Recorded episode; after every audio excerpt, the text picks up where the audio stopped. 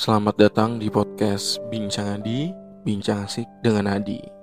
Tempat di mana kita mengeksplorasi emosi-emosi yang mendalam dan hari ini mari kita merenung dalam monolog tentang perasaan galau. Apa sih yang terlintas di benak kalian tentang galau? Kalau aku mengartikan galau tuh perasaan gundah gulana yang gak karuan sampai bikin overthinking. Podcast Bincang Adi yakin banyak dari kita telah merasakan momen seperti yang aku udah bilang tadi. Iya gak sih? Bahkan aku yakin gak banyak dari kita melakukan perasaan palsu seperti senyum hanya permukaan tipis untuk menyembunyikan lapisan kesedihan di dalamnya.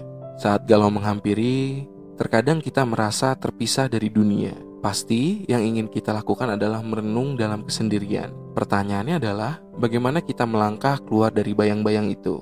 Pertama-tama, mari kita terima bahwa merasakan galau adalah bagian alami dari kehidupan. Tidak selalu harus kita sembunyikan atau hindari. Kalau aku menyebutnya, jangan pernah coba untuk pretending. Terima dan rasakan. Seandainya ingin menangis, lakukanlah.